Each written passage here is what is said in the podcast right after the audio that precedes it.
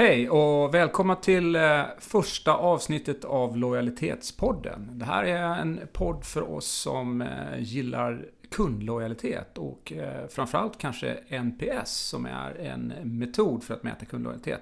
Det här kommer vi berätta lite mer om i det här första avsnittet. Jag heter Johan Laudon och tillsammans med mig har jag med min kollega Dan Haneklint, tack för att jag får vara med Johan. Ja visst, självklart, självklart. Och vi är konsulter som eh, jobbar på ett företag som heter Market Direction. Och eh, Market Direction jobbar just med olika former av kundlojalitetsprojekt.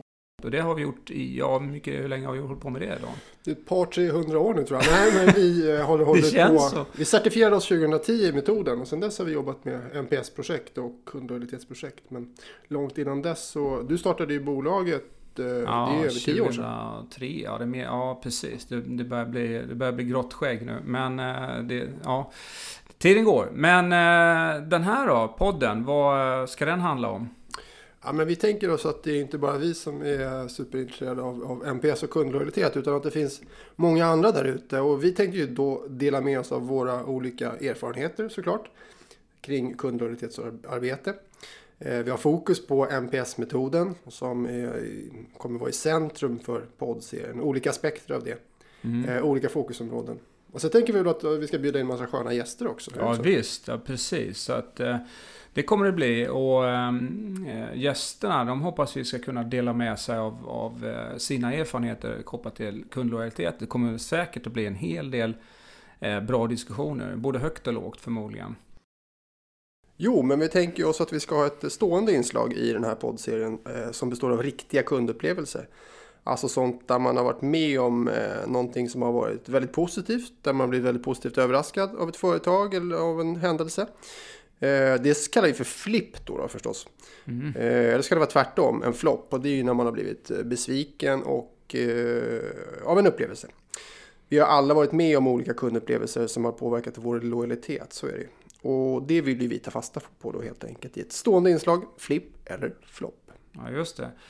Men sen har vi tänkt såklart att alla, alla våra gäster också får berätta om en särskild kundupplevelse som har påverkat dem på ett speciellt sätt. Antingen positivt då eller negativt. Eh, och inte nog med det så kommer ju du som lyssnar också kunna höra av dig till oss och dela med dig av dina bra eller dåliga kundupplevelser. Och det där kan du göra genom att eh, gå in på lojalitetspodden.se och därifrån eh, skicka ett mail till oss. Så lovar vi att vi tar upp det i kommande poddavsnitt. Men du Dan, gäster då? Drömgäst? Vem skulle du tycka var...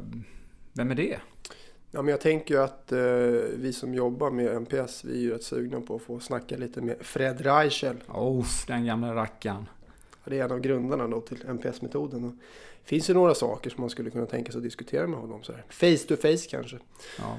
Så att, eh, eller face to face. Vi kommer försöka ringa honom i alla fall, få tag på honom. För jag skulle vilja ha lite... Eh, Känna han på pulsen lite? Absolut. Ja, nej, men han är ju spännande såklart. Det, det måste man ju säga. Det, det, det, kan väl, det skulle ju kunna vara vår, eh, så att säga, vårt mål med den här poddserien. Att, att försöka eh, träffa honom eller prata med honom. Eh, så att eh, det ska vi försöka göra. Men innan dess kommer vi att hitta andra intressanta gäster lite mer i vårt närområde. Han är väl i, han är väl i, Kalifornien? Eller ja, oavsett var han är så kommer vi hitta honom. Ja, you can't hide from us, Fred. ja, men det är bra.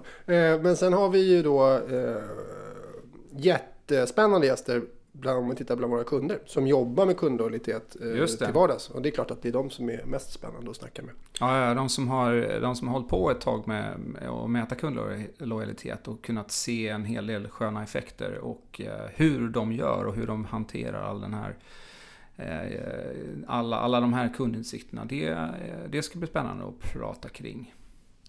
Härligt! Eh, det är också så att det finns en hel del material kopplat till varje poddavsnitt. Eh, så när vi har, tar upp ett speciellt ämne och snackar om det så kommer det också finnas material att hämta hem. Och det eh, publicerar vi på lojalitetspodden.se. Det är också där som man kan skicka in sina flippar och floppar etc. Så att så är upplägget. Så lojalitetspodden.se kan varmt rekommenderas. Eh, bra, nu tror jag att vi kör igång avsnitt ett, eller? Ja, ja, absolut. Det, ryktena säger att du har letat efter jinglar i ett ja, par ja, dagar. Oj, oj, Har jag du har hittat något? i jingeldjungeln Ja. kan man säga. Jo då, jag har hittat en här som jag tänkte eh, det känns som den passar bra. Så den, eh, den kommer här.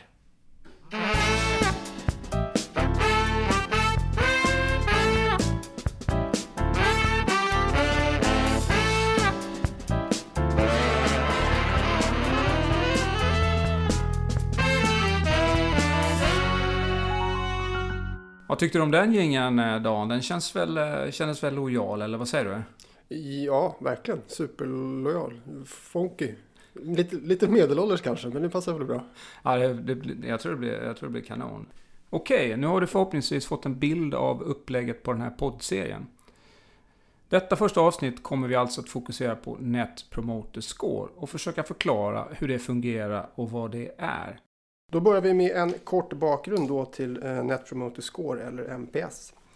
Och eh, det är alltså Bain Company, ett konsultföretag som tillsammans då med Fred Reichel som han heter, grundaren av den här metoden, eh, tog fram det här och tillsammans också med ett företag som heter Satmetrics.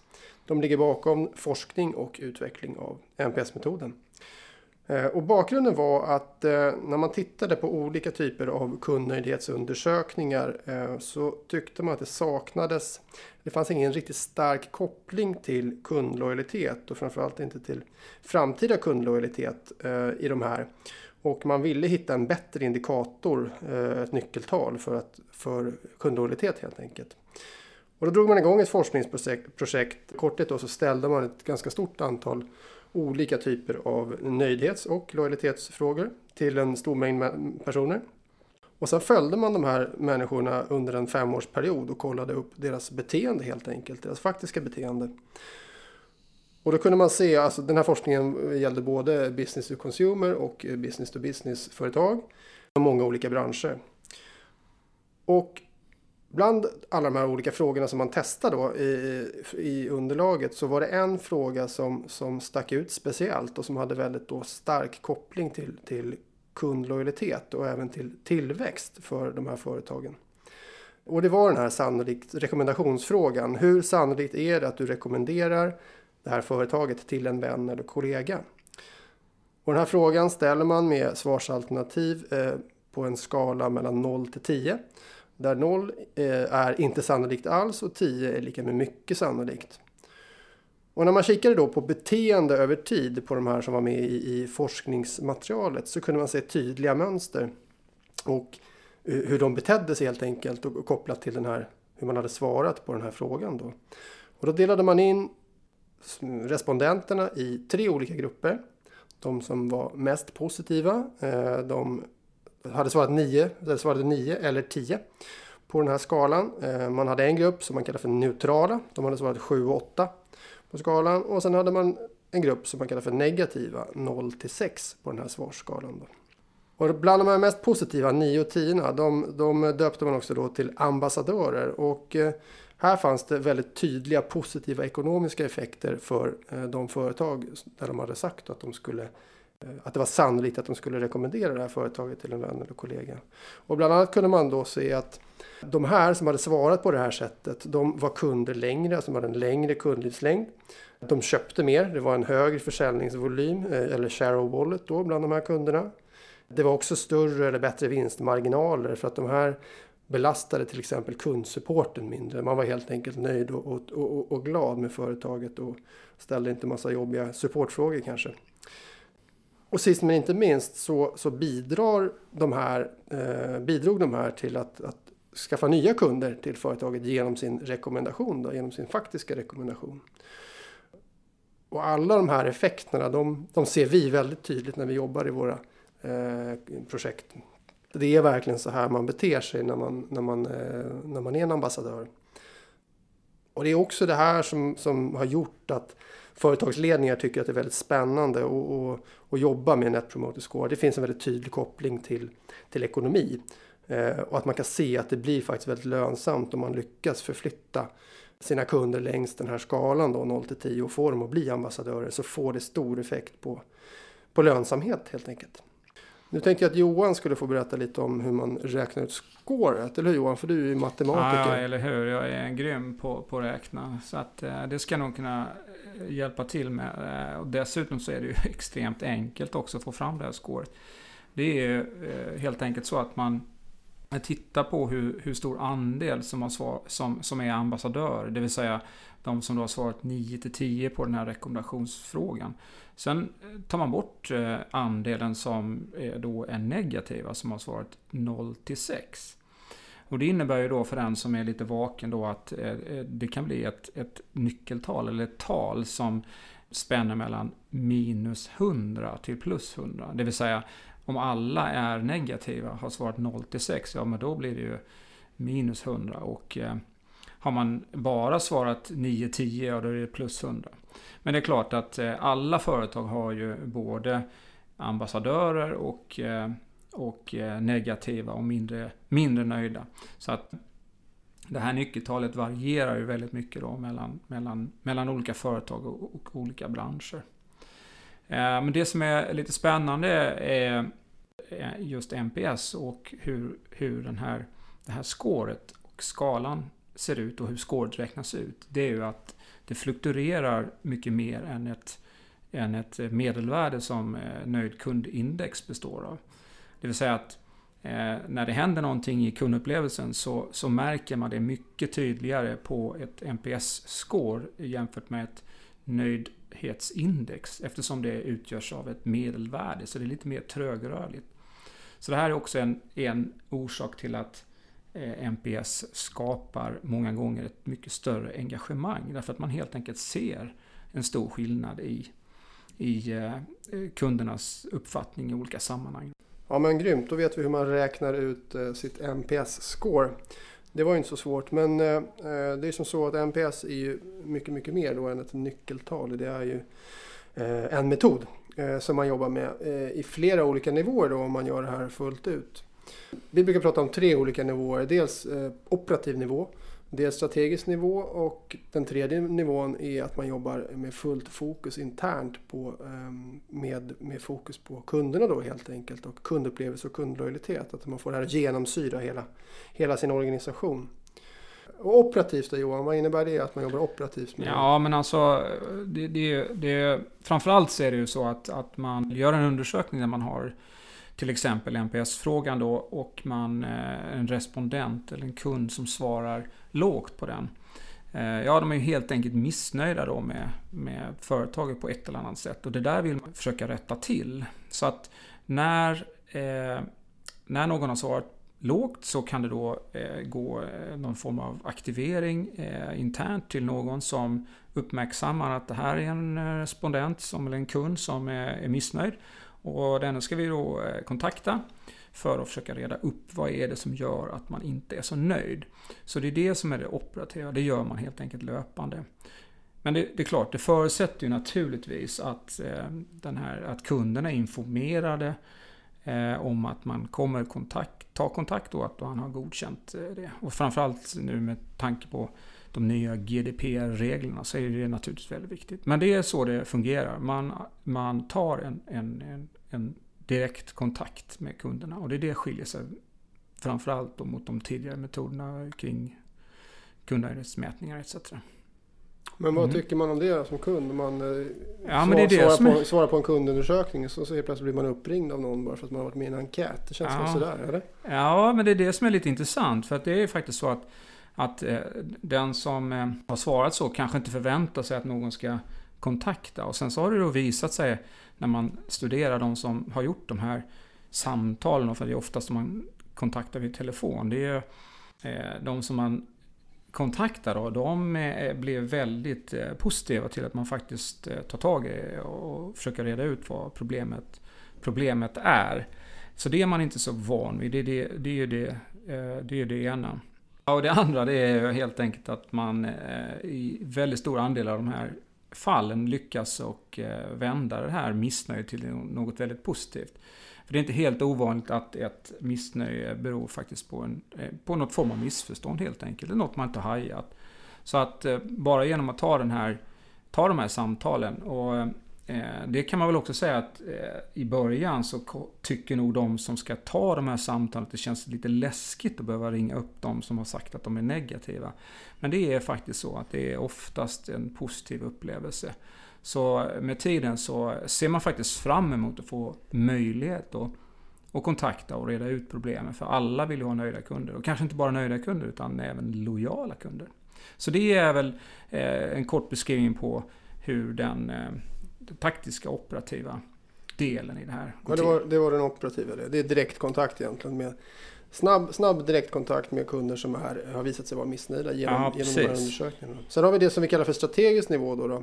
Och eh, där handlar det ju om att identifiera eh, olika saker som påverkar kunderna helt enkelt och jobba med förbättringar där.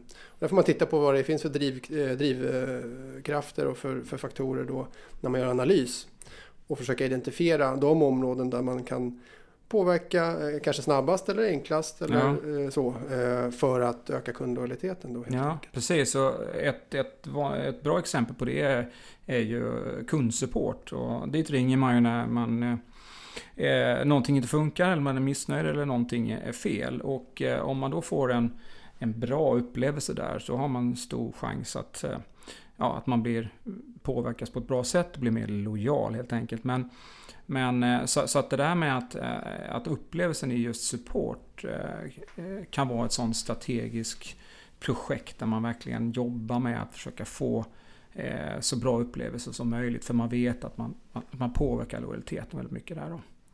Så det är ett exempel på en, kan vara ett, ett strategiskt projekt. Då.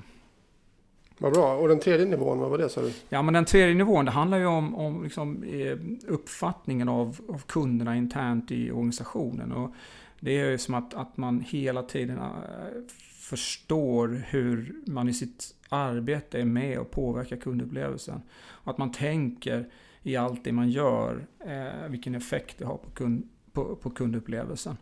Så att det där är ju i regel ett arbete som tar, tar lång tid att verkligen få in i organisationen. Se till att man i alla möjliga sammanhang alltid tänker utifrån ett kundperspektiv. En del eh, företag har ju mycket enklare och, och snabbare kan komma in i det, eh, i det tänket. Eh, Medan andra måste jobba mycket strukturerat och, och liksom långsiktigt med de här frågorna. Men det är väldigt viktigt. Det är ganska lätt att säga att man är kundfokuserad och det gör väl de flesta företag. Men det är, ja. det är faktiskt lite svårare att vara har, det. Har vi någonsin stött på någon som säger att de inte är kundfokuserade? Det är klart att man är, men, men det är en skillnad i vad man, vad, hur man beter sig och hur kunderna faktiskt upplever det. Det är en stor eh, diskrepans däremellan. Det är ju tveklöst. Så är det absolut. Vi brukar ju prata också om, eh, om vi ska prata lite praktiskt kring, kring hur NPS-mätningar går till och hur de här mm. programmen sätts upp. Då, då. Eh, därför att mätningar kan man göra på en massa olika sätt och, och det är lätt att skicka ut enkäter och så vidare. Men, men eh, i NPS-sammanhang brukar man prata om att man har en relationsmätning där man, där man, mm. där man frågar kunderna eh, vad de tycker om, om, om sitt företag ur olika aspekter. Men den här undersökningen gör man Gärna till alla kunder, kanske en gång per år eh, eller något liknande. Om, man har många kunder så kan man sprida ut det förstås för att få... Mm. få... Och, och, eh, på, på kunderna så handlar det ju, det handlar ju också om att, att man eh, ser till att skicka till de som man har en kontakt med. Så att det är väldigt vanligt att man väljer ut att skicka bara till de som man gör affären med. Men det är inte riktigt rätt. Utan man ska försöka skicka till och kontakta alla de kundkontakter man har på ett företag. Ja, och i den här eh, relationsmätningen man gör så brukar man ju då hyfsat enkelt kunna identifiera eh, ett antal områden eller ett antal touchpoints med, med kunderna som, som påverkar lojaliteten eh, starkt. Och då är det naturligt att man efter ett tag börjar mäta de här touchpointen och börjar utvärdera olika delar av, av, möten man har med kunden helt enkelt. Det vi brukar kalla för touchpointmätningar då, eller kundinteraktionsmätningar eller vad man nu vill kalla dem. Eh, och det är ofta kortare undersökningar som aktiveras av att kunden har gjort någonting. Till exempel varit i kontakt med kundtjänst eller eh, lagt en beställning på webben eller eh, varit i, har suttit i ett säljmöte eller vad det nu kan vara beroende på om det är business to business eller business to consumer. Så det där ser lite olika ut. Det varierar, det varierar helt klart. Men, men eh, eh, det intressanta med de där mätningarna det blir ju att det blir väldigt fokuserat till just bara den upplevelsen. Och, och där, eh, om det är så att man gör en relationsmätning där man får fram det här NPS-scoret så ställer man ju inte NPS-frågan i, i de här transaktionsmätningarna utan då är det fullt fokus på själva kundupplevelsen.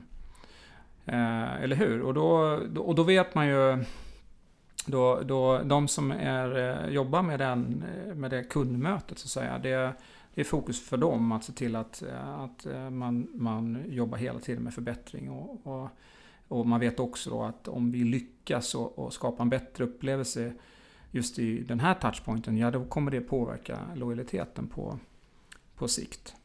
Så är det. Sen, sen så jobbar man såklart med analys på en, på en annan nivå också. Man får, det, man får in information om kunderna via, via undersökningarna, relationsmätning och touchpointmätningar. Och sen finns det också förstås en väldig massa kunddata man tittar på i, i analysen av det här. CRM-data och, och faktiskt kundbeteende helt enkelt. Så mm. i den här mixen så, så eh, börjar man titta på korrelationsanalyser eh, och annat och kunna identifiera liksom, de, de viktigaste delarna att jobba med helt enkelt för, för att öka kundlojaliteten i NPS.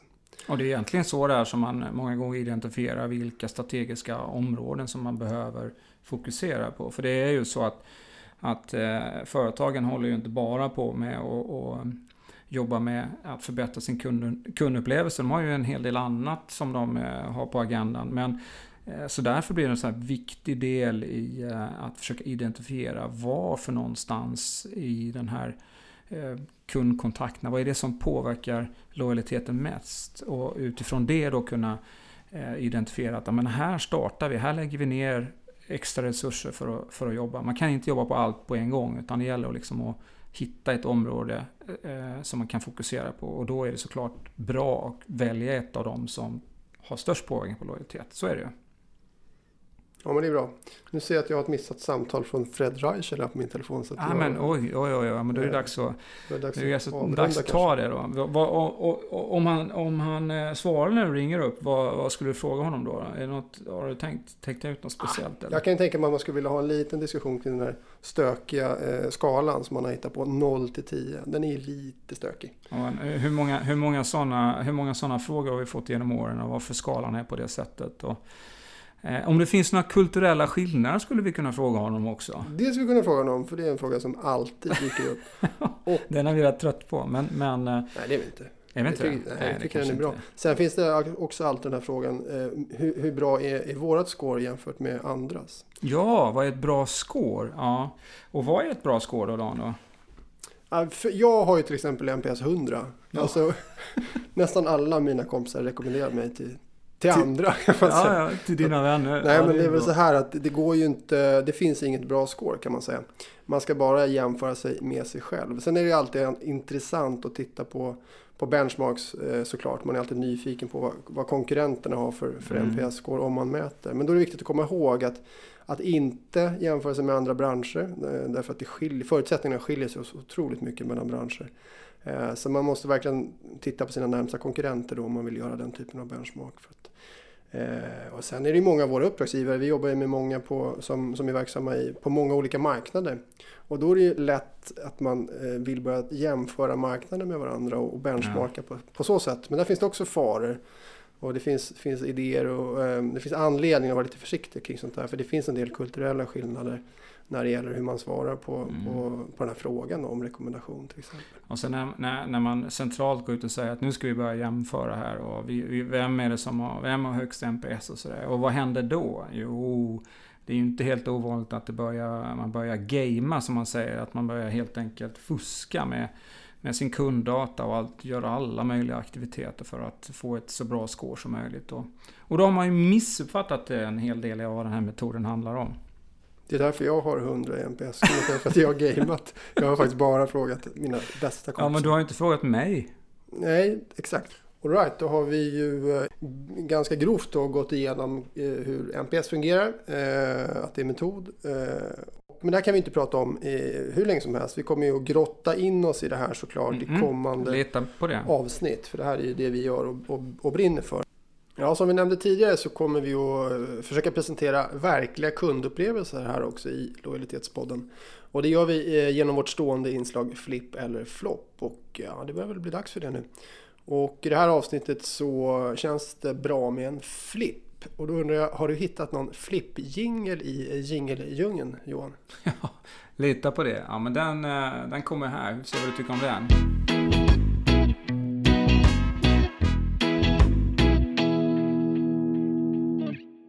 Alright, det var flipp-jingeln. Vad, vad känns, känns den, eh, känns den okej? Okay? Absolut. Man, man, kan associera den till en positiv kundupplevelse. Jag känner glad, det är väl det viktiga här i flippsammanhang. Mm. Ja, superbra. Eh, jo, vi tänkte att vi skulle eh, ringa upp en person som vi vet har varit med om en positiv eh, kundupplevelse. Och jag har en kompis, eller vi har en kompis, Pernilla, som jag vet var med om en eh, flipp häromveckan. Eh, jag tänkte ringa upp henne så får vi snacka lite grann med henne och så får hon berätta om sin upplevelse. Okej, okay, nu ska vi se här då. Uh, uh. Hoppas hon är... Hoppas hon svarar, annars blir det lite jobbigt. Ja.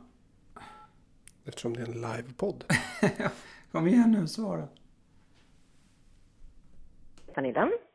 Hej Pernilla, det här är Johan Laudon från, eh, vi ringer från Lojalitetspodden. Vi håller på att spela in en podd. Känner du till det? Det ja. har jag hört talas om. Ja, det är bra. Hör du, i den här poddserien så kommer vi ju att ha ett, ett inslag eh, som vi kallar flipp eller flopp. Och det är ju helt enkelt eh, att man eh, redogör för, för liksom bra kundupplevelser, flipp, eller en dålig kundupplevelse som är då en flopp. Och jag vet ju att du berättade för mig eh, för ett tag sedan om en flipp som du har varit med om, alltså en bra kundupplevelse på en restaurang. Kan inte du bara berätta lite om, om, om det och hur det gick till? Absolut. Eh, dels var jag på en av mina favoritrestauranger eh, i stan. Eh, Knut. Uppe i Linnélunden. Mm. Okay. Och där eh, restaurangbesöket var jättebra, men det som gjorde som stack ut ett extra var ju faktiskt den kundundersökningen de skickade efter jag varit där. Ja. Eh, Hur visste de att du hade varit där då? Jag hade ju bokat bord via deras hemsida där jag fick ange min okay. Eh, mejladress. Så att eh, direkt efter jag varit där så fick jag en eh, undersökning som man brukar få. Men det som slog mig där var att jag såg först inte att det var en undersökning utan de i ämnesraden tackade så jättemycket för att jag hade varit hos dem. Okej. Okay. Och sen eh, i mejlet också så var de riktigt seriöst nyfikna och måna om att jag hade haft det bra och så vidare. Eh, och sen mer by the way så frågade de om jag kunde svara på några frågor. Mhm. Ah, och det gjorde du då eller? Ja, men jag gjorde det. Men jag blev så positivt glad för det var ju sån här, jag kände att de verkligen brydde sig om mig. Inte det här att de brydde sig om att jag skulle svara. Det var inte det som var huvudsyftet, utan just att det här var liksom, hoppas ja, okay. verkligen hade det bra, hade en bra upplevelse. Så ett lite annorlunda grepp än, än, än som det vanligtvis brukar vara om det överhuvudtaget görs några typ av uppföljningar. Eller hur? Ja, coolt. Men, eh, och, jag, och vi vet ju att det funkar. Därför att du berättade det här för mig. Och sen så tog jag ju dit eh, några kompisar och vi var också där och fick en bra upplevelse. Ja, dit också. Så du är en ambassadör helt enkelt? Precis. En smak av ja. Jämtland får man när man går dit. Ja, ja, det är coolt. Men hör du, tusen tack för, för det här inspelet och nu kommer du kasta dig på iTunes kanske och eh, lyssna på eh, första avsnittet av Lojalitetspodden, eller hur? Det är klart jag gör det. Ja, toppen, tusen tack. Ha det gött. Ha det gött. Hej. Hej. Ja, vad tur att hon svarade. Första flippen. Tack för det Pernilla.